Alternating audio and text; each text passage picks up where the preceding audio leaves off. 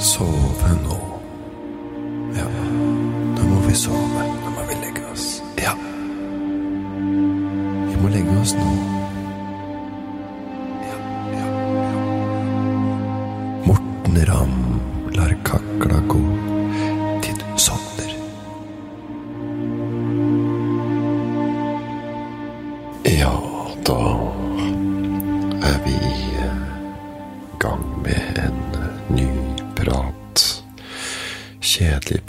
Som skal få deg til å falle i ro og sove godt i alt fra la oss si fem til syv, åtte, ni timer. Det kommer litt an på hva, hva, dere, hva dere ønsker, hva dere får til. Og så er det jo bare å sette på podkasten på nytt dersom man våkner opp og ikke har sovna.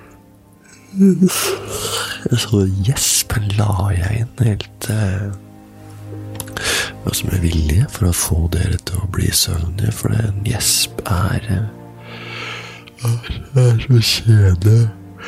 Høre på når folk gjesper og prater. Det er som Enten når folk gjesper og prater, så er det ofte enten at de er eh, trøtte, eller så er de litt eh, usikre. At de ikke helt vet hva de skal gjøre. Eh, så de eh, Hvis du sier man møter noen på gata, og den andre personen er kanskje ikke helt sikker på om den skal si hei, og så sier du hei, og sier Hallo. Hei. Så de gjesper da liksom for å late som om de ikke syns den er en eh, ubehagelig situasjon, at de blir tatt litt på, på senga. Så kjører de da en en, gjesp. At det er bare, bare helt naturlig å gjespe meg. Det er uh, helt vanlig for meg å gå dit. Jeg tror jeg bare stikker bort Uh, Litt ferskværdisken og kjøper en and, jeg. Skal jeg tenkte jeg skal lage litt andekonfitt til middag i morgen. Øh, Lage litt sånn. Uff. Så er jeg ofte skryt og gjespes.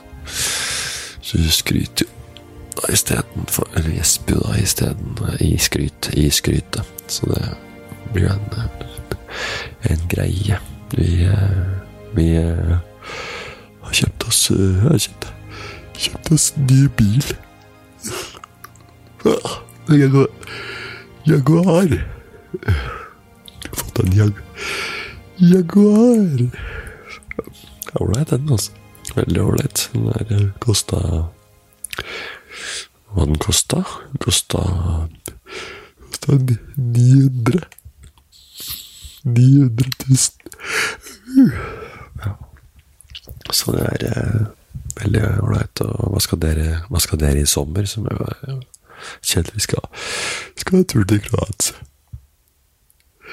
Det blir en tur til, til er veldig ålreit. Så skal jeg ta en tur ned til Vera Maher og der, og det blir, det blir veldig ålreit, altså. Det er eh, veldig hyggelig. Vi tenkte vi skulle ta en tur nå, ikke bare eh, i sommer, men at vi tar en eh, høsttur også, eller vinter, i mars eksempel. Eh, Kari og Reidar var jo der i mars, og det er jo selvfølgelig en helt annen atmosfære uten uh, dette ja, turistjag eh, med uh, alt som skjer rundt uh, høytidene, når folk skal feriere, og alt det de feriebyene det drar med seg da, av uh, tiggere, selgere, ja, folk som skal profitere på gjester fra andre land som har med seg et, eh, et feriebudsjett. Så alle veit jo det at når man har vært på ferie, så, så åpner man jo lommeboka litt, og man har jo satt av en viss sum penger, og de, de summen, den, den summen skal man bruke opp, så det vet jo disse folka som som bor i en by og da livnærer seg av, livnærer seg av turisme fra, fra besøkende, så, så vet du at eh, folk har med en viss sum penger. Og eh, da kan det være greit å liksom uh, dra nytte av det og få en del av kaka av de turistene, fordi pengene skal brukes opp, så det gjelder liksom å få dem til å bruke der du drifter, da. Så det er veldig ålreit å, å, å, være på hugget når, når folk fra, fra andre land kommer på besøk til et sted hvor du bor, som er noe annet enn det de har hjemme på jakt etter noe eksotisk, noe litt annerledes. Noe som eh, kan gi dem litt impulser og annet inntrykk enn det de hadde fått i, i fjæra eller i fjellheimen i, i Norge. Møte litt andre mennesker, og da ja, har de med seg et uh, lite budsjett som de har satt av, som de har satt av hver måned, f.eks. Og et år, og så har de de pengene de kan bruke, og da blåser de de pengene i løpet av de to ukene, eller en uke, eller hva det skulle være, i, i, det, i den byen de har, har, valgt å feriere i, etter mye, mye om og men, etter tips og råd og sånn fra andre venner om hvor de burde hvor de burde dra. For alle som har vært et sted, vil jo at alle andre skal, også skal dra til det stedet og vise at ja, vi har vært der først, og vi sendte venner av oss ned dit. Eh, for det var et fantastisk sted, eh, og det er veldig veldig ålreit å dra dit. Eh, og det var vi som anbefalte Kari og Reidar å dra dit, men de er, har vært der i mars. Og det var veldig, veldig ålreit. Og de her Kari og Reidar var der i, i, i mars, og der er er det bare én restaurant og én bar som er åpna. Altså, det blir jo ikke, det blir jo ikke full rulle av det, men eh, Mario og Vera de, de ber inn og er gjestfrie på terrassen. Og da blir det jo hyggeligere. Du får en helt annen uh, intim tid med Vera og Mario. Uh, og du får jo oppleve det mer autentiske Kroatia i Helsa som med Vera og Mario holder til. Og nå har han faktisk Mario fått bygd en en ny grill, en, en ny en Amur. Eh, og der, uh, der lager de bare, bare mat med Som er øko, mye økolog, økologiske matvarer og sånn i, i, i fokus. De, og de fyrer opp grillen med usprøyta vinranker. da Eh, for de bruker ikke tennvæske, det vil ikke de. For de er veldig opptatt av miljø, miljøet, så noe som er eh, veldig ålreit, og ikke så utbredt i Kroatia som det f.eks. er i Norge, hvor vi har, ligger langt fremme i skoa på nettopp dette her med bærekraft og utviklingen av, av de klimatiske spørsmålene. Men nei, så de ligger på organisk tenk på grillen, og de er veldig fryktelig opptatt av sånt. Uh, ja, og så alt ligger til uh, rette. og uh, Som sagt så kom vi ned dit, og det er jo så velholdt og deilig hver gang man kommer. De har alltid overraskelse på lur. Alltid noe nytt på lur. Hvert år. Et år så var det nye senger. Et annet år så kom vi inn døra, Alt var som det skulle. Uh, vi gikk inn der, sengene, kjøkkenet, sofaen Det var ikke noe nytt. Det, pleide, det var veldig rart at det ikke var noe som uh, Som de ville liksom vise oss eller overraske oss med, for de har alltid liksom oppgraderingen på, på lur. Men uh, i år var det ikke noe som helst. Men så kom vi inn, i stua, og der uh, så vi noe uh, som de hadde satt på plass for oss, og det Da ble det ny TV. Ja. Eh, så hvert år så så, det, så er det noe nytt som kommer, og sånn holder den på. Ikke, ikke akkurat så fullt Ikke akkurat som moro når eh, gjestene eh, At det var før, før, før det kom nye takrenner. For det måtte de bytte ut. Så et år så eh, var det ny takrenner, og året før det så var det ikke akkurat eh, spesielt morsomt. Da, det var Da drypper det. Og i, i, i Ston, rett nord for Dubrovnik, er der Der er jeg blitt tipsa av Vera Mario å dra til noe som heter Østersfestivalen. Det er, eh, det er veldig, veldig ålreit. Eh, så da har vi også da har vi rett og slett flydd til Zagreb via Skippul eller Frankfurt. Og så brukt en dag på turen og vært der i fire dager, bare. Så vi har liksom vært én dag på tur for å være der i fire dager. Det er, det er dumt, men det er virkelig verdt det, altså. Så det er Ja. Og det er jo sånn. Du, du, kommer ned, og det blir jo alltid fest den første dagen uh, man kommer ned. Og det er uansett hvilket år, tid på året det er. Det er om det er i mars, mars eller oktober. Altså og den første gangen faktisk Kari er jeg drone, så leide de en bil i, i Zagreb. Og så måtte de kjøre i hurten og styrten for noen ferja i Split. Og mista meg fire minutter. De mista meg fire minutter pga. feil eh, veivalg. Jeg måtte kjøre hele den der Makarska-rivieraen på én time. Det, da var det godt det ikke var mange turister der. Da Men da rakk vi liksom akkurat å få inn, eh, få inn ferja der til eh, Drynik, Drynik eller noe sånt. Så, og, så fra ferjeleiet til uh, Sukurai og til, uh, til Jelsa. Det er én time med ordentlig svingete krølleveier, også.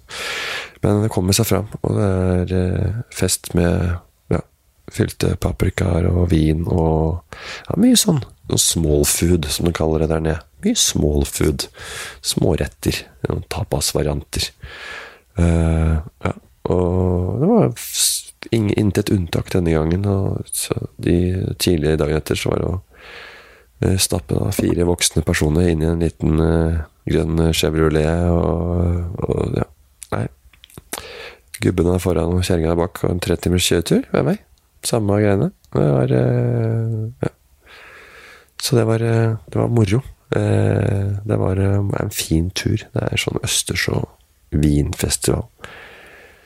Det var veldig, veldig hyggelig der. Eh, der har jeg vært der sjøl. Kari Reidar er jo fast der nede, og de hadde en sånn eh, booka hotell eh, Jeg hadde ikke booka hotell, så en gang så hadde de liksom måttet dra tilbake samme dagen. Og ja. Så var det at det ikke var så mye åpne restauranter, for da var det Men det var nok, nok trøkk for en, for en stund, så ja, noen år etter dem så bestilte de hotell i Ston og leide større bil, så mer komfortabel reise. Så da blei det jo liksom bare mer av østers og, og vin. Ja. Og da fikk de også dratt til eh, Trebinje, Trebinje i Bosnia. Da hadde to netter der. Og så dro de til Montenegro en tur, for der var visst veldig god uh, kake på en kafé. Og for å kjøre fra Jelsa til Stolen må man innom Bosnia. Og det og ved hver en grenseovergang så er det visning av pass og greier. Altså, det er jo bare å bla opp med pass og Ja. Blei vel en 19 ganger, sikkert. Altså inn i Kroatia, ut av Kroatia. Inn i Bosnia, ut av Bosnia. Inn i Kroatia, ut av Kroatia. Inn i Bosnia, ut av Altså inn i Montenegro, ut av Montenegro. Ja, det er samme der. Og så var vi, og så var vi titta på Vi har titta på et uh, kloster i Bosnia. Hvor vi lager sånn ordentlig god olivenolje. Olje. Olje. Og en veldig ja, eh, moderne vingård. Som heter Vukoye. Nesten, eh, nesten like god som Tomic-vinda som de har i, har i Kroatia, men ja, det er ikke helt det er ikke helt det samme. Men den var, den var ålreit. Så det kom jo med femliters plastdunkler som de heller i liters glassflasker, og så korkes det. Det er de som kan, og da kan du hente fra kjøleskapet til Vera og Mario. Så det er, er meget, meget øh, mange fine stunder vi har hatt hos Vera og Mario. Det gleder oss enormt til øh, neste gang man kaller det. Det er ja, nei, det er reiselivsnæringa. Den, den, har fått seg en støkk nå. Det er godt vi har Det er godt vi har olje, oljepenger. For det, vi står jo det er godt stelt her i, i Norge. Er, vi, har ikke, vi, har det godt. Og ja, det teier litt på oljefondet. Vi har kanskje brukt et, var et ordentlig innhogg i oljefondet med, med dette her med, med covid-19 og korona, men det er, vi sitter godt i det også. og og vi har jo, og vi har jo investert i mye ting i utlandet, i eiendom og i noe gambling i Kina, og det er noen gullbarer og det ene med det andre som Norge er en eier rundt omkring i verden. Så de investerer jo også disse oljefondpengene, men de sitter jo da med 10 000 milliarder i kroner. Det er en sum som er ganske vanskelig å forestille seg, egentlig. Hvor mye penger det er verdt. Det er egentlig kjedelig å høre på hvor mye egentlig oljefondet er eh, verdt. Og det er jo mange som kan få så og så mange så og så mange penger hvert år med familie i så og så mange år, så er det oljefondet. Men der kan du tenke deg en måte som er fin og fin og og, og huske oljefondet på hvor mye litt For å sette i perspektiv, da. Hvor mye det er verdt. Var det Einar Tørnquist som uh, fortalte det. Jeg tror han holdt på jeg, en gang jeg ikke var helt uh, mottagelig for å høre egentlig hva det handla om. Men han sa at det var ca. 10 milliarder trær i Norge. 10 milliarder trær, altså. Det er, det er 10 milliarder trær. Eh, og du kan tenke deg at hvert tre er verdt 1000 kroner. Ikke sant? Eh, så hvis du har 10 milliarder, ikke 1 million, eh, men 1 eh, milliard, ikke 1 milliard heller, men 10 milliarder. Så da har du, hvis hvert tre er verdt hvis jeg tenker at det er verdt 1000 kroner. Hvert eneste tre vi har i Norge, har en verdi på 1000 kroner. Og trær er det mye av i Norge. Jeg vet, det er 10 milliarder trær. Da har du oljefondet i Norge. Så det er eh, Det er mye penger som er i, er i, er i omløp. Og det er jo en eh, Blant annet en eh, en sak som er pågår nå. Det er jo Tom Tom, Tom Hagen, eller Tom Hagen, som eh, Stenstrup sa så fint eh, for noen dager siden. Tom Hagen, Tom Hagen. Jeg jo, begynner å gå på repeat allerede, den saken. Eh, ja, det er jo en selvfølgelig veldig uheldig situasjon å være i for Tom Hagen, og en tragisk sak på mange måter. Og det er jo, det er jo det er, jo, det har jo skjedd noe. Eh, enten så er hun kidnappa eh, og noen som vil ha penger av Tom Hagen, eller så er jo da Tom Hagen involvert selv. Da. Det har jeg hørt veldig mange nå som etter at han ble pågrepet, at eh, ja, da så sier folk at til det kjedsommelige det, det, var det jeg sa. Altså, det, var det, det var det jeg sa. Jeg sa, jeg sa det med en gang. Jeg sa det. Jeg sa, jeg, jeg sa det med en gang. Jeg sa det. Han har gjort det sjøl. Han har kidnappa denne dama sjøl. Han har vært, hatt en finger med i spillet hele veien. Det var akkurat det jeg sa. Jeg sa det med en gang jeg hørte det. Så tenkte jeg, veit du hva? Tom Hagen, han har kidnappa dama sjøl. For at han har av en eller annen grunn fått nok. De har krangla. Det har vært et eller annet med noen kontrakter eller penger eller noe sånt. Og så har han Tom Hagen fått noen til å kvitte seg med, med dama. Med Elisabeth. Han har gjort det sjøl. Og det var Husker du jeg sa det? Husker du tidligere til jeg sa det? Jeg var den første, jeg var først ute. Og, og veldig tidlig ute med å si det.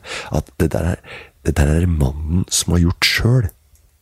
Han, han, trenger ikke penger, så han måtte bare finne på noe annet, så det ikke så ut som det var noe krangel om penger. Så han har planlagt alt sjøl, han. Og hva var det jeg sa? Jeg sa at det var Tom Hagen som hadde gjort det sjøl. Eller at han hadde fått noen til å gjøre det for seg. Så han kunne jo bare leve et normalt liv videre, så han har fått leid inn andre folk til å gjøre hele jobben for seg. Bare gå helt uanfekta rundt i gatene og dra på jobb og tvinne tovler og dra i møter og uten at noen ting eh, hadde skjedd. Virka i hvert fall sånn. Ja, ja. Det er som jeg sa ganske tidlig, at En skal ikke utelukke at han har fått hjelp fra en bande som har planla dette. her, og Det er ikke sånt som skjer i Norge, men det, det gjør det altså. det skjer. Sett det på film. På Jaget, blant annet. Filmen Jaget. Den er, eh, den er frekk. Den er en sånn, eh, en sånn liten actionfilm fra, fra USA. Den er en spenningsfilm hvor, hvor, dama blir da eh, Blir kidnappa. Eh, ja. Og det er jo han der eh, Harrison Ford som spiller. Harrison Ford spiller. Den ble, kom ut på midten av 90-tallet en gang. Så ja, så det er eh, ja, han blir Han blir dømt eh, Eller feilaktig dømt for mordet på sin kone. Men han klarer å fang, flykte fra eh, denne fangetransporten. Og så leiter han etter den egentlige morderen. Så hvis da Tom Hagen blir eh, dømt, så kanskje han er feilaktig, dømt. Så kanskje han gjør som Harrison Ford i Jaget, og prøver å finne eh, den som egentlig gjorde det. Eh, dersom han ikke hadde vært med å planlegge det sjøl, at det var en annen person som hadde eh, fått, uh, fått hun ut på Ja, fått da seks fot under. Men det er, ja, nei, det er, dette har nok vært planlagt ned til minste detalj. Der her har det vært noen kranglinger krangling eller om penger eller noe sjalusi. Kan jo ha vært et sjalusidrama. Altså. Du veit jo hva sjalusi kan gjøre med folk. Du kan tenke, tenke deg at han der er eiersjuk, han Tom ikke sant? Det er sånne rikinger. De skal ha kontroll over dama si. og når hun vil for mye eller har egne interesser som blir en konflikt med hvordan han vil fremstå, så er ikke det, ikke det noe for milliardærer som Tom Hagen. Da skal det være etter dems pipe. Ikke, kunne jo ikke noe om data, han Tom, liksom, så jeg hørt at han skulle ha ordna alt dette. Men han kjenner vel noen som kjenner noen som kan, kan dette her, vel, så har vel bare hyra på noen som kan det, og betalt disse gutta en klekkelig sum for å planlegge den perfekte bortføringen av kona. Så det kan ha vært damer som har gjort det. Det er sjelden at det er kvinnelig, kvinnelig kjønn holder på å livne seg som kriminelle med denne type oppdrag. Bortførings- og drapsbransjen er jo et mannsdominert yrke, så det er jo, er jo det. Men det har vært et par dyktige kvinner på det området også, så da tenker jeg på leiemordere som jobber rundt i de store narkokartellene, spesielt i, i Mexico. Så har det dukka opp noen kvinns som ikke tar en krone for å kverke noen. Eller tar jo noen kroner, da. Det gjør det. De tar mange kroner, men det er jobben deres, er, så de skal jo ha betalt. Og det er jo en kostbar affære å ta rotta på en person som f.eks. står i med naboen, eller truer med å anmelde deg for et eller annet. Eller så bare ja, eller skal bare, bare skal ha og skal ha og skal ha. Så er det greit å kvitte seg med hele vedgjenget. La Tosca het hun der kjerringa som uh, drev og drepte folk borti, borti Mexico. La Tosca. Det er eh, skal visst ha drept signert av 20 personer for noen år siden. Jeg husker ikke hvordan saken var, men det var heftige saker. Det er ikke for alle det der, Også. Det er eh, veldig få som, eh, som ønsker å livnære seg på å ta livet av andre mennesker. Men det er jo et helsikes nøst, den der Tom Hagen-saken også. Om de finner noe som helst, det er jo uvisst. Men kanskje han leide en leiemorder som leide en leiemorder som leide en leiemorder igjen, som leide en leiemorder som igjen leide en leiemorder. Som det gjorde faktisk en kinesisk forretningsmann for noen år siden. Han leide en leiemorder som ikke hadde det liksom i seg, som leide en ny en. Og sånn gikk det nedover i hierarkiet. Jeg tror det var fem pers som sto der i den rettssaken. Er sikkert lukrativt for førstemann som har gjort en ålreit deal, men med så mange ledd så blir det jo lite igjen til siste instans, da. Til han der eh, stakkaren som faktisk skulle gjøre jobben. Men det som skjedde med denne saken, var at han lata som om drapet var utført. Men det ble ikke gjort. Han lata som det hadde blitt gjort. Han hadde ikke i seg, han heller. Det var fem personer som ble dømt for drapet på én person som fortsatt lever. Det kan jo kalles et lite bomkjøp i mine øyne. Det er jo hyggelig at han lever, det ikke det, men man kjøper jo liksom et produkt. Når ikke produktet fungerer, så føler man seg kanskje litt lurt hvor jeg har penga tilbake. Men det er jo ikke Elkjøp eller Ikea med, man er forbruker ved en sånn transaksjon. Så returrett og angrerett og bytterett og sånn, Det er ikke det man kan forvente av leiemordere leiemorder i dag, vil jeg tro. Altså, de fleste butikker lar deg få bytte du har kjøpt om ikke, om sånt er ubrukt og uskada så er det ikke noe lovbestemt rett Det var kanskje et åpent kjøp i Norge, men ja, men det er vanlig at du kan liksom regne mot å få bytta en vare som, er, som du ikke skal ha. Også, men da må du ta vare på kvitteringa eller bytte lapp, da. Og holde fristen som står på den. Der står jo en frist, ikke sant. Den er gyldig til og med det datoen. Du er ikke aleine om å ha en byttelapp på et, eh, eller et gavekort som har gått ut på dato. Jeg hadde jo et gavekort på henne som Maurits, og tror du ikke den gikk ut i går? da? Skulle handle tre T-skjorter. Sånne korte T-skjorter på henne som Maurits, sånn som er breie og korte. Sånn som krymper i vaska for henne som Maurits. Skal kjøpe litt sånne, sånne T-skjorter som uh, går bare an å bruke én gang, for de blir så breie når de krymper. De trekker seg opp for. Så jeg skulle kjøpe en del sånne T-skjorter, så hadde jeg en sånn byttelapp. Men gikk, tror du ikke den gikk ut i går, da?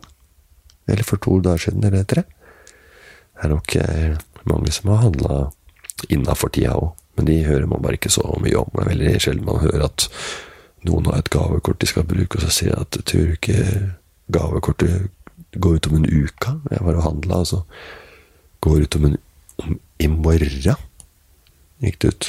Nei, Det er nok de dagene etter som er gjelder når man skal offe seg over gavekort som har gått i glemmeboka.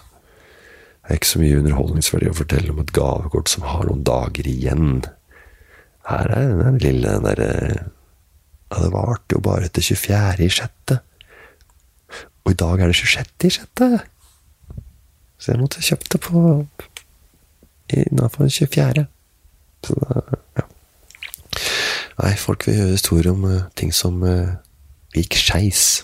Det er uh, ja. Ikke at du akkurat rakk drakt. det er, kanskje det er vel det er ingen som gidder å høre på. Det er kjedelig å høre på. Dersom du jakter, det, er på en måte en historie uten noe godt poeng. Altså, jeg løp etter bussen, så rakk en akkurat. Skulle i butikken, stengte gitter. Det var på vei ned. For jeg skulle, veldig viktig, jeg skulle kjøpe noen bursdagsgave til barnebursdaggreier, og jeg måtte ha den gaven. Jeg så at de stengte. Og jeg rakk det ikke, men jeg prata med en hyggelig ansatt gjennom gitteret. Og vi sa at det var ok at jeg handla de siste veiene. Fikk komme inn. Når jeg forklarte situasjonen, så syntes de det var eh, greit at jeg kom inn. Men når det kommer til bytterett osv., så, videre, så har jo man, eh, har egentlig ikke noe garanti utover det butikken bestemmer. Det er jo liksom opp til butikken å sette de betingelsene. Det kan være at du ikke kan bytte i forbindelse med salg, f.eks. At det ikke er bytterett på salgsvarer eller hygieniske artikler som, eh, ja, som ja, under, undertøy eller ja, roll-on eller noe annet som folk har på brukt på intime deler av kroppen. Da. Kan det være litt ekkelt å ta med tilbake. Sokker, blant annet. Underbukser, bh-er. Ja, og roll-ons, som nevnt. Ja. Du kan ikke få penga tilbake, men kan oftest få, få en til, til gode lapp. da. Kan handle en annen gang, så det, du er sikra i i mange ledd, så det skal litt til for at du ikke får noe som helst eh, tilbake. Kan du taper noen penger, eller noe sånt, men jeg tror som regel så har butikken et rykte å ta vare på, så er det viktig for dem å fremstå som eh, ja, som serviceinnstilte, sånn at du har lyst til å komme tilbake til eh, til, til den butikken og, og handle. Så det kan lurt av butikken å å ha den policyen der. At de kan få igjen, uh, få igjen noe ved bomkjøp, rett og slett. Ja. Men det er uh, ja, De skal ganske sikre når det går for en sånn handel, og risikere at ting kan gå galt. Om ting ikke skal skulle funke 100 Altså, jeg snakker om uh, leier, leie, leiemorderbransjen også. Så du skal være ganske sikker på å gå inn en sånn, en sånn deal når du først gjør det. Du skal stole på folk. At det faktisk ikke prater eller gjør jobben riktig. Vi snakker jo egentlig om en bransje som hvor alle lever av å ikke følge regler og trosser loven for å tjene til livets opphold. Så uh, det er vanskelig å stole på om, om de rett og slett uh, backstabber deg jo. det er, jo, det er jo sånn de lever, da. Det er jo hverdagen til serieleiemordere. Folk som driver denne bransjen. Det må jo være kjedelig for en leiemorder å få et barn som skal ha bleier og gåstol og babybjørn og bilsette osv., og så videre, og så må du knerte folk i pappen for å gi barnet en trygg og god oppvekst. levere i barnehagen, og så kjøre ut til Lørenskog for å jobbe litt, og så komme tilbake og hente klokka fire igjen.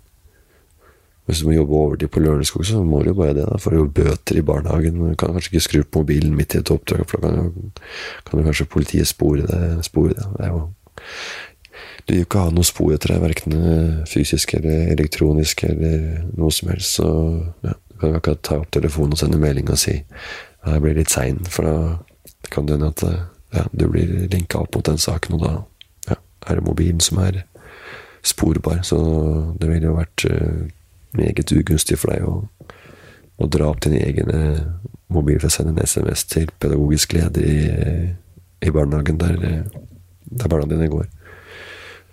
Men du skal jo da liksom hente det til, etter barnehagen, og det er jo trening og ballett og korps eller hva som interesserer dette nydelige vesenet du har brukt, brukt tid på og brakt til, verden. Så ja. Men det er Ja. Nei, det er Det er viktig at man spør på forhånd hva slags policy butikken har dersom man skal kjøpe en eh, vare. Det veldig, kan være veldig veldig greit. Også. Jeg skulle kjøpe noen eh, Jeg hørte noen som skulle kjøpe noen glass på Glassmagasinet. Men byttelappen eh, den gikk for fem dager siden, selvfølgelig. En annen historie. Men han var, han var mest opptatt av at Glassmagasinet skrives med ENS. Glassmagasinet skrives med ENS, altså Glassmagasinet. Det er for de som ikke vet det, er et kjøpesenter på Stortorget i Oslo. Det er mange fine butikker og noe sånn high, high upscale-butikker der. Altså. Det finnes mye, mange fine varer også. Og Elkjøp har en avdeling der også. Drives av Ove Viken. Kjenner personlig. Ove Viken. Det er på Elkjøp. Han uh, styrer med den butikken. Så der har jeg vært og, og handla litt. Så er det jo koselig. Og mange hyggelige ansatte. Og det er det eldste senteret i Oslo, faktisk. Så ja. Det er kanskje derfor den S-en mangler glass. At det er noe gammelt som har gjort at det er glassmagasinet Men det er jo veldig rart. Jeg trodde jo alltid at det het helt glasset. Da, men så det mangler en S, da. Så jeg vet ikke, De har ikke endra på det, men han Atle Brynestad, som jeg tror eier mye av det glassmagasinet, han kunne jo endra på det.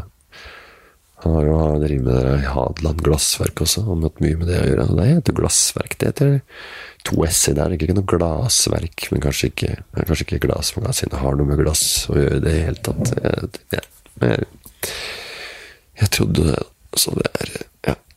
Nei, Sommerland i Bø heter jo Sommarland i Bø. Sommerland er jo svensk, så er et av de få badelandene vi har i landet vårt, med, med rusjebaner som eh, det er veldig ålreit å, å, kjøre på, husker jeg. Det er Jettegryta og Flowrider og Magasuget og Mot i brøstet. Mot i brøstet en er en uh, rusjebane som uh, heter der. Uh, det er mot i brøstet. Det er ikke mange barn i dag som setter seg opp mot i brøstet og tenker på at denne vannrutsjebanen er oppkalt til en uh, situasjonskomedie fra 90-tallet om en gjeng som bor i samme hus på og på Tåsen, som er skapt av Tore Ryen. Tore Ryen er en kompis av, av Nils uh, Vogt, som spiller Carl i serien. Og Nils Vogt er faren til en som heter Øyvind Vogt, som jobber som tekstforfatter i produksjonsselskapet Seafood, som ble starta av Christian Ødegaard og Espen Eckbo, faktisk.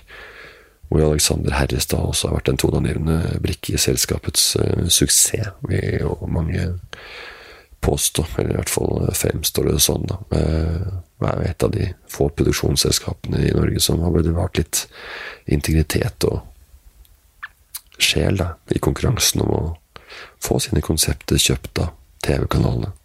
De fleste andre har jo bare ja, bare kjørt, kjørt, på og solgt inn for å tjene mest mulig penger og blåser i hva det er egentlig hva de selger, så lenge de får programmene på lufta, men her har jeg inntrykk av at eh, konseptene som blir pitcha fra SIFU, det er noe, er noe selskapets ledelse selv har, har trua på. Da. Det er mye, mye, god underholdning som har kommet derfra. og Sist ut med han eh, Kevin Vågenes og den serien parterapi. Uh, som da Seafood står bak, og Kevin Vågenes har vel alltid vært inn under vingene til Seafood, en slags gullfugl der, som uh, som de har nytt godt av, og Kevin Vågnes også har eh, fått veldig veldig god hjelp av. Og Seafood står også bak eh, sånne suksesser som eh, Dagotto på tur med Christian Nøgaard, og nå Kompani Lauritzen, for, ja, for å nevne noen. Lystløgner har de også laga. Med Erik Solbakken. Lystløgner har de også stått bak, så det er et familieunderholdningsprogram, da.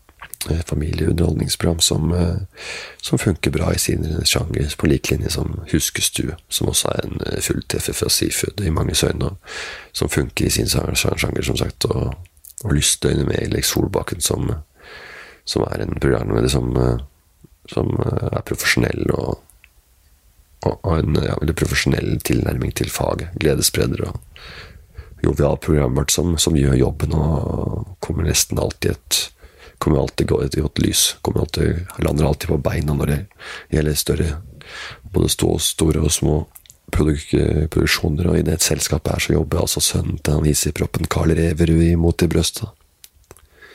Øyvind Vogt jobber der. Det er en Hyggelig, hyggelig fyr som jeg, som jeg møter av og til. Spiller litt fotball sammen og sånt. Og så Derfor visste jeg det. Så har jeg noen andre felles venner som jeg har møtt han gjennom. Så har vi bare blitt mer og mer kjent, da. Så ja, det er hyggelig de gangene vi møtes. Det er en fin, fin tone. God kjemi. Vi skjønner hverandre på humor og henger med i svingene begge to, så det er artig å alltid ta en, ta en prat med han. Og, og faren hans, Nils, har vel ikke møtt så mye som Carl Reverud i, i Mot i brøstet. Mot i brøstet-scenen har jeg sett litt på, ikke noe spesielt fan. Det er jo veldig rart, det utgangspunktet. Mot i brøstet er Det er jo litt eh, spes at de skal bo sammen, egentlig. Det er sånn man skaper humor, da. Litt ulike personligheter som skal fungere, fungere sammen, på en måte. Altså skape en litt sånn ellevill dynamikk og ja, ting og personlighetstrekk som motstrider hver- hverandre, og som eh, i et vanlig liv ikke hadde funka over så lang tid. Så det, er klart at det er, eh, det er artig å se på når, eh, ja, og ikke alt uh, er helt optimalt, og ikke et, uh, et bofellesskap som uh, som er såpass homogent som vi kanskje møter i det virkelige liv, da hvor folk er, er venner fra før, før de flytter inn, eller i hvert fall kjenner til noen av de som bor der fra før. Men her så er det alltid veldig stort sprik i både for alder og alder, som er kanskje den største som er det kanskje det rareste i Mot det er aldersforskjellen på de som bor her. Altså, ja. Og de, jo, de er jo skreddersydd for eh, serien, og Carl er jo en, en, er en hissig, hissig fyr som er en ordentlig businessmann. Og han eh, blei ble jo kjent at han var så forbanna at han hoppa opp og ned på gulvene og forbanna. Eh, og han eh, vi, møter vel han i brøstet etter at han har, har uh, mista jobben sin som økonom og startet et eget eh, firma. eh, som han får veldig stor, med, stor suksess med. Og Sven Nordin spiller jo her, og han spiller en fyr som heter Nils. Han er vel en, han er en av Carls venner, selv om han er mye yngre, og spiser potetgull og drikker rød cola og står på til alle døgnets eh, tider. Han er en av Carls venner. Han er en eh, enkel og grei type, eh, og han må gjøre ordentlig klisjé, capsen bak fram. Rutete sånn tømmerhoggerskjorte og ja, skjønner lite. Og han eh, han har også fått sparken på jobben, en annen jobb. Eh, Så han sitter egentlig og er arbeidsløs. Eh, Men han får eh, jobb en gang. Jeg husker ikke når det var, men han har vel jobbet på, han jobba på et bananlag. Det hørte jeg av en fyr som har Downs syndrom, som fortalte meg om Mot i brøstet. En som heter Tom Høisveen, som veldig gira på Mot i brystet, og er en sinnssyk fan av, av Nils Vogt, Karl Reverud. Så han fortalte meg veldig mye om Mot i brystet, og ikke minst hos Martin Alicer. Men Mot i brøstet var jo en Jeg var en favoritt i hans øyne, Tom Høisveen. Og det er jo morsomt å høre på eh, folk med Downs syndrom fortale, fortelle om mot i brøstet, men jeg vet, det kan jo bli litt mye i lengden også. Eh, men entusiasmen til folk med Downs og mot i brøstet, den stopper jo aldri. Men, men, men. han fortalte at han jobba på et bananlager, på Superen eh, med Trine. Eh, Trine, det Det er hun der Hilde Lyran. Som da, da, kommer inn i sesongen. Så hun er jo da Hun er jo da jobber på Superen med Nils. Så de finner jo på mye greier der. Masse artige situasjoner som, som, uh, som oppstår. Så, så, har vi en eldre herremann, spilt av uh, Arve, Arve Oppsal. Uh, og det er vel alle er vel venner av Carl, er det sånn der? Det er sånn der. Jeg tror det er sånn der. Altså, alle er venner av Carl. Altså, han er, eh, han er en elegant eldre mann med tøfler. Uh, ja, kan være en liten luring, men uh, kommer med veldig masse gode ideer som er nyttig i uh, mange situasjoner. Så ja. Men han er en eldre mann som har pensjonert seg, men viril, ung, livlig sinne. Og har en, har en dame som han driver og knuller på. Enkefru Wolf, som han driver og kjører litt. Så det er han der Henry. Han er fin. Og så er det Målfrid. Og det er jo samboeren til Kar, så hun er jo så glemte jeg helt. Altså, Gud. Målfri er jo også med dette denne gryta av et bofellesskap som Carls samboer. som kommer jo inn der uh, Ja. Men hun er Egentlig, jeg kan ikke så mye om, om, det. Jeg har ikke sett så mye, men det, man får med seg utrolig mye uansett. Bare man har sett litt på det, så Så det er eh, veldig, veldig, veldig ålreit. Ja. Men det er veldig mange som da i den serien de har mista jobben, og så får de også litt jobb, og det er jo mange hyggelige situasjoner, og da Ja. Og det som regel så, så er det jo da når ting, hyggelige ting skjer i livet, så er det jo å feire litt. Eh, og det gjør de ofte. De har alltid noe småting i livet som de setter pris på. Og etter at vi har hørt på litt spamusikk, så skal eh, vi snakke om noe man pleier å, å kjøpe når man skal feire et eller annet. Og da snakker jeg om en flaske champagne. Ja, champagne.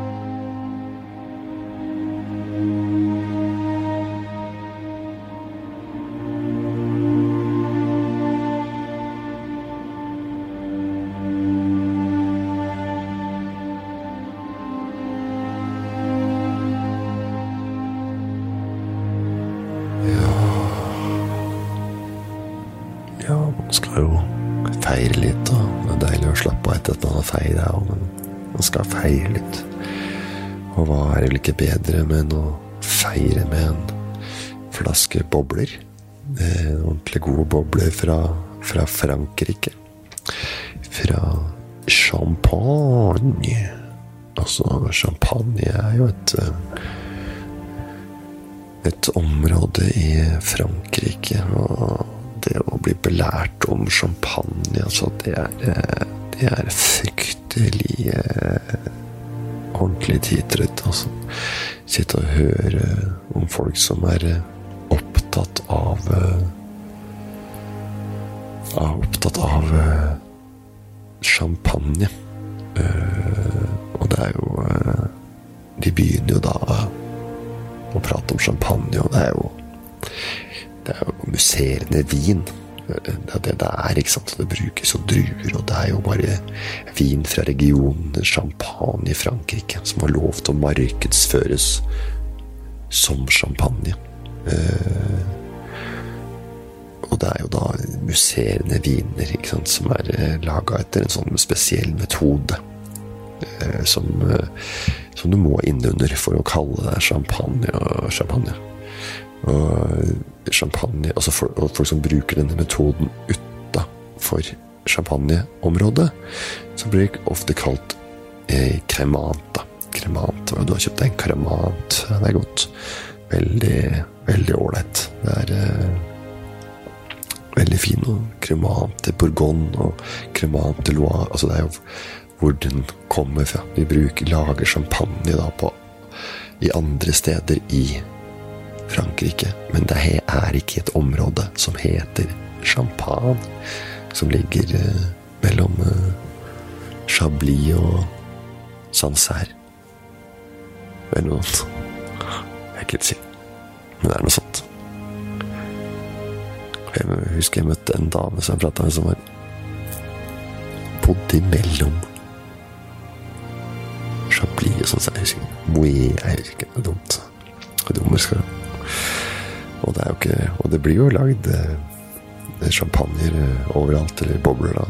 I Tyskland så eh, er det sekt man eh, bruker. Og i Spania sier man cava. Og hvis du har vin eh, med bobler i Italia, så må du be om prosecco. Eller spumante. Spumante, eller noe sånt. Altså eh, ja, prosecco. Det er musserende vin, det også. Fra et område i, i, i Italia. Og det er jo, det er jo en lang tradisjon. og så grunnen til at denne dumpa er så stor, ikke sant Denne dumpa som er så fantastisk eh, fin, som man kan bjeffe med, den er jo en, en en munk som het Dom, Dom Perignon. Perignon. Som het det. Så det er derfor det heter Det er derfor det er så det er derfor det er så fint med dumpa. Det er mange forskjellige typer champagne. Det er eh, vintage, vintage, som jeg kaller det. Så det er mye, mye, mye kjedelig stoff å, å, suge til seg og høre på når champagnen kommer på bordet. For det er jo, er jo kun eh, champagne som gjelder når folk skal feire noe stort. Da. Skal gifte seg eller fylle et rundt tall eller en merkedag eller har tjent mye penger på toppdag, f.eks. Da må det sables champagne. Champagne er ikke noe som er kjedeligere å høre på hvor godt det er, og hvor stor forskjell det er på de forskjellige champagne som finnes på markedet. Selges jo veldig mye forskjellig. Det er mye dårlig champagne, altså.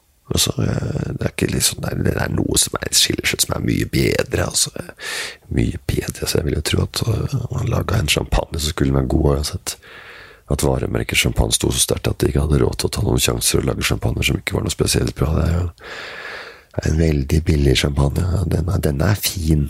Det er ikke et slags filter eller noen kontroll som gjør at de kan sende ut dårlig champagne før champagne. At eh, kan ikke sende en dårlig champagne ut. Det heter jo champagne fordi den kommer fra et område som heter champagne, eh, som er kontrollsikra. Eh, for at det skal være høyeste kvalitet. Men det er en billig champagne. altså. Det er visst ikke noe bra. Det må være dyr. Hva kosta den flaska? Jeg er mer folk opptatt av, mer folk, folk opptatt av hvor dyr den er. Mer jeg er opptatt av pris, ikke hvordan den smaker. Eller når den er dyr, da, så er den god. Gurgler i det penger. Hva kosta den, Hva kostet den der, sa du? Rett over tusenlappen. Mm, nammen, nam. Var veldig god. Veldig god. Nammen, nam. Over 1000 kroner, ja. Ja, det kjenner jeg. Og så kikker jeg rundt seg smake. Jeg tror at det betaler jo Betaler jo i dyre dommer eh, for å, for å kjøpe For å bli sett. Så er det champagne som funker. Skal jeg fransk, skal koste 70 000. Ja, nei Det er eh, dyreste, dyreste merkene. Hvis du skal ha champagne, så er det Veuve Clicquot og Bollinger og Dompa, Dom Perignon eller Munken, som jeg var så vidt inne på i stad. Ja, merker som har slått seg opp. Flår rike, harry folk som er villige til å betale skjorta ut for å vise at de har muligheten til det. På hjemmebanen er de gjerrige som bare faen, men ute i manesjen der de vrinsker i og sparker i sagmugga bestiller den dyreste sjamanteren de har på hele menyen. Kikker rundt seg og later som alt er normalt, og koser seg med at de har en flaske champagne på bordet. Og så veit man at de ikke er Ja, de koser seg til at de har den flaska på bordet som ikke vanlige folk har råd til, da. Altså, helt normalt dette her. men de veit at det ikke er normalt, for folk flest har ikke råd til det. Jeg liksom syns folk flest er rett og slett bare er for dumt. Det er mange biter på da. Ja, ja, mange, mange blir gira Mange blir gira av penger. Damer blir med stygge hjem. Stygge menn hjem. Damer, ja. Blitt med mange damer jeg veit om som har sett på byen, som har blitt med stygge menn hjem fordi de er rike. Gamle òg. Det er litt sånn med kjendiser også, mange som liksom ordner seg yngre damer. Ikke noen menn på 25 år som har blitt sammen med en 55 år gammel dame fordi de var programleder på TV2, eller har noen millioner på bok. Det har aldri skjedd, så det er sikkert noen som har gjort det også, men det er mer vanlig andre veien, og det er synd å se. Der syns jeg folk burde legge inn litt krefter og få bort den utingen der også. Det er noe som burde vært en kampsak i i demoene til eh, de mest iherdige feministene ute. Altså å få bort den eh, Den derre Ja, hva skal jeg si mentaliteten man har rundt det, og at eh, gamle menn drar med seg yngre damer fordi de har penger. Det er ikke greit. Det hører til i Det er det hører til gamle dager. Jeg syns det er en ugreie i dagens samfunn. Og så går vi tilbake til bondesamfunnet, så var det jo sånn at eh, kvinnen skulle forsørges. Det stammer jo fra historien. Og så gifta en mann seg gjerne med en 15-20 år yngre kvinne for hun skulle føde et barn. Og det er jo Ja. Og menn kan jo produsere barn opp til en høy alder, men uh, yngre kvinner da skulle skulle da føde barn, så de ikke skulle få barn som digga mot i brøstet og Kaptein Sabeltann osv. Og, så og at de er eh, ja, opptatt av å være gode, gode fedre. Eh, sånn mann er, var jeg gjerne villig til å gi kvinnen barn. Så da er vi liksom inne på helt grunnleggende biologiske faktorer som er et, eh, et godt grunnlag for å få et bra avkom og oppfostre avkommet godt at man har penger og ressurser til å gi det de trenger, utenom vanlig omsorg og kjærlighet, og at menn velger unge, vakre damer. Det går jo egentlig bare på utseendet. Ja. Altså, det er at det er lettere for mange menn, da, rent uh, kosmetisk. Og eldes menn, yngre kvinner. Her er ikke noe koselig. Det er ikke noe koselig å se på at mektige menn med høy sosial status får seg yngre damer pga. penger, men det, det, forekommer, altså. Sikkert, sikkert kjærlighet ganger, men det kan sikkert utvikle seg kjærlighet. Eller det kan sikkert utvikle seg kjærlighet, men eh, inngangen, det er, det er penga. Og gjør du ikke som gubben sier, så er det på huet og ræva ut av det redet, bare, for det, bare, bare å se på det det som skjer oppe i Lørenskog. Nå kan vi jo egentlig bare spekulere i hva som skjer der, men man tenker jo sitt. Tom Hagen skal sikkert sable en champagne som han kommer seirende ut av den rettssaken. Uansett om han har gjort noe eller ei, så Sånn er det jo med rike folk. Går over lik for at de skal beholde alle sine pang, pang, pang. Så ja, det er, det er noe med da. Så skal vel ha seg en champagne. Veldig ålreite bobler. Det er et smykke. Tenk at uh, flaske skal si noe mye om hvor mye penger du har. Folk bestiller dyre flasker på byen, og kommer servert i en hvit bøtte og glass. Det skal synes at du har kjøpt den dyreste flaska på bruket, altså. Hvor mye kosta den? 12 000 kroner. Ah, den var veldig god, da. Hyggelig med noe godt å drikke. Du hadde jo aldri kjøpt en flaske champagne til 12 000 kroner og servert den til dama med fyrvirkeri og en hvit bøtte hjemme. Det hadde jo aldri skjedd. Han kan sable.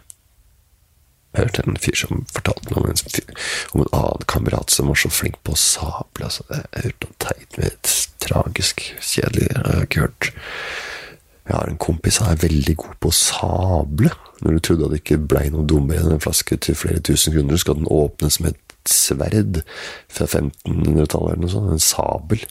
sabel fra Asia, som har jo fått reisende til Europa og gjort seg bemerka her, da. Var noe i en del av gallauniformer i militæret og sånn. Så er det råflott, da. Og en sabel hengende i beltet som pynt. Da kan du sabla på. Sabla gøy og Sabla med sabel. Sabel er egentlig et gammelt bondevåpen. Bønder og fattige folk som brukte det. Det har blitt en greie, da. Men, sånn er det jo. Våpen som ble brukt av de fattigste på 1500-tallet, skal brukes av de rikeste i samfunnet. da. Alkoholens egen au pair.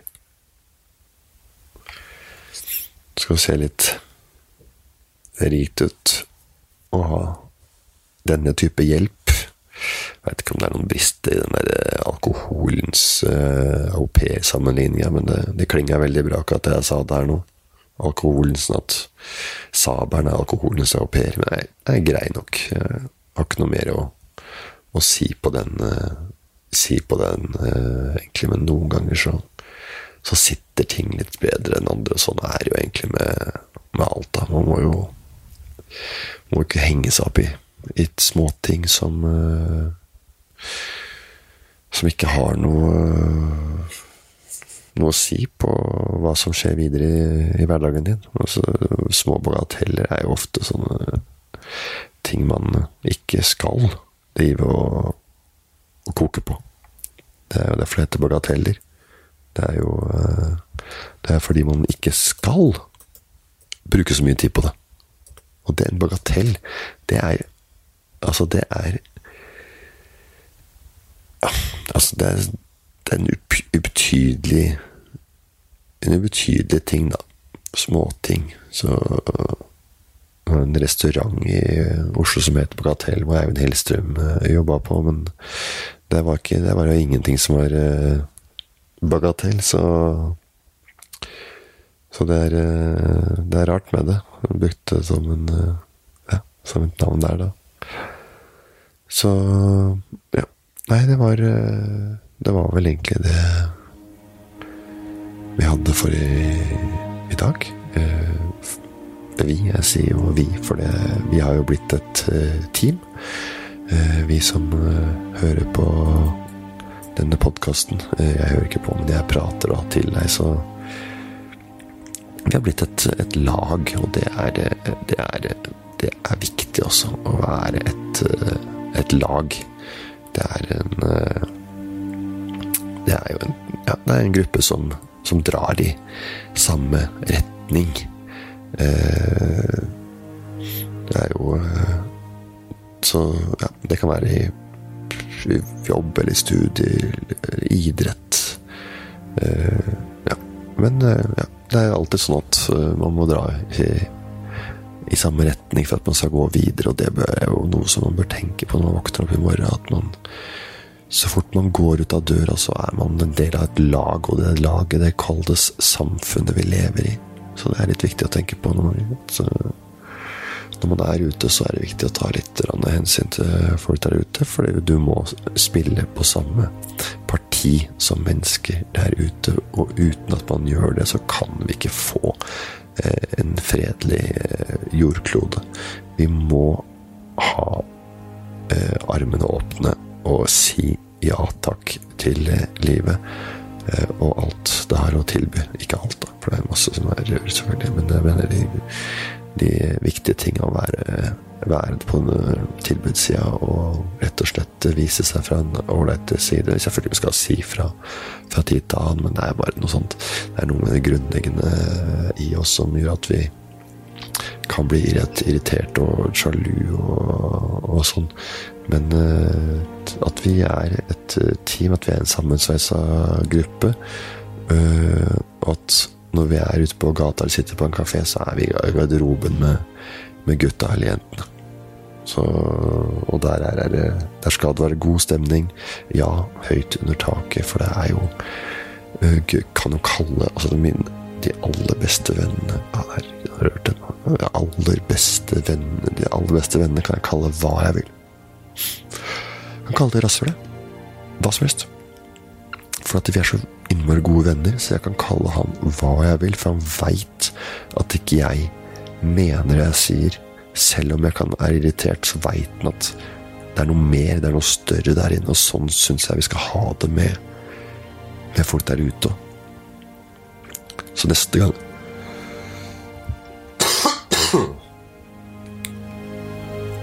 Ja, må hoste litt.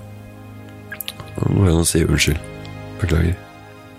Så neste gang du går ut på gata og blir kalt et rasshøl, skal du si Vet du hvorfor han sa det?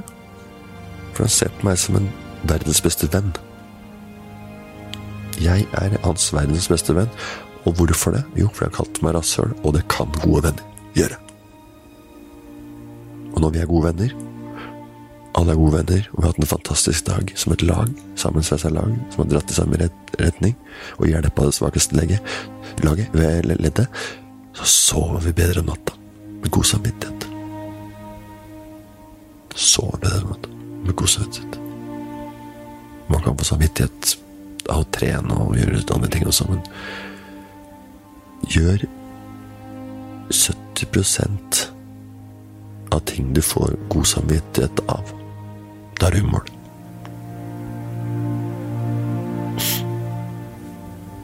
er rumul.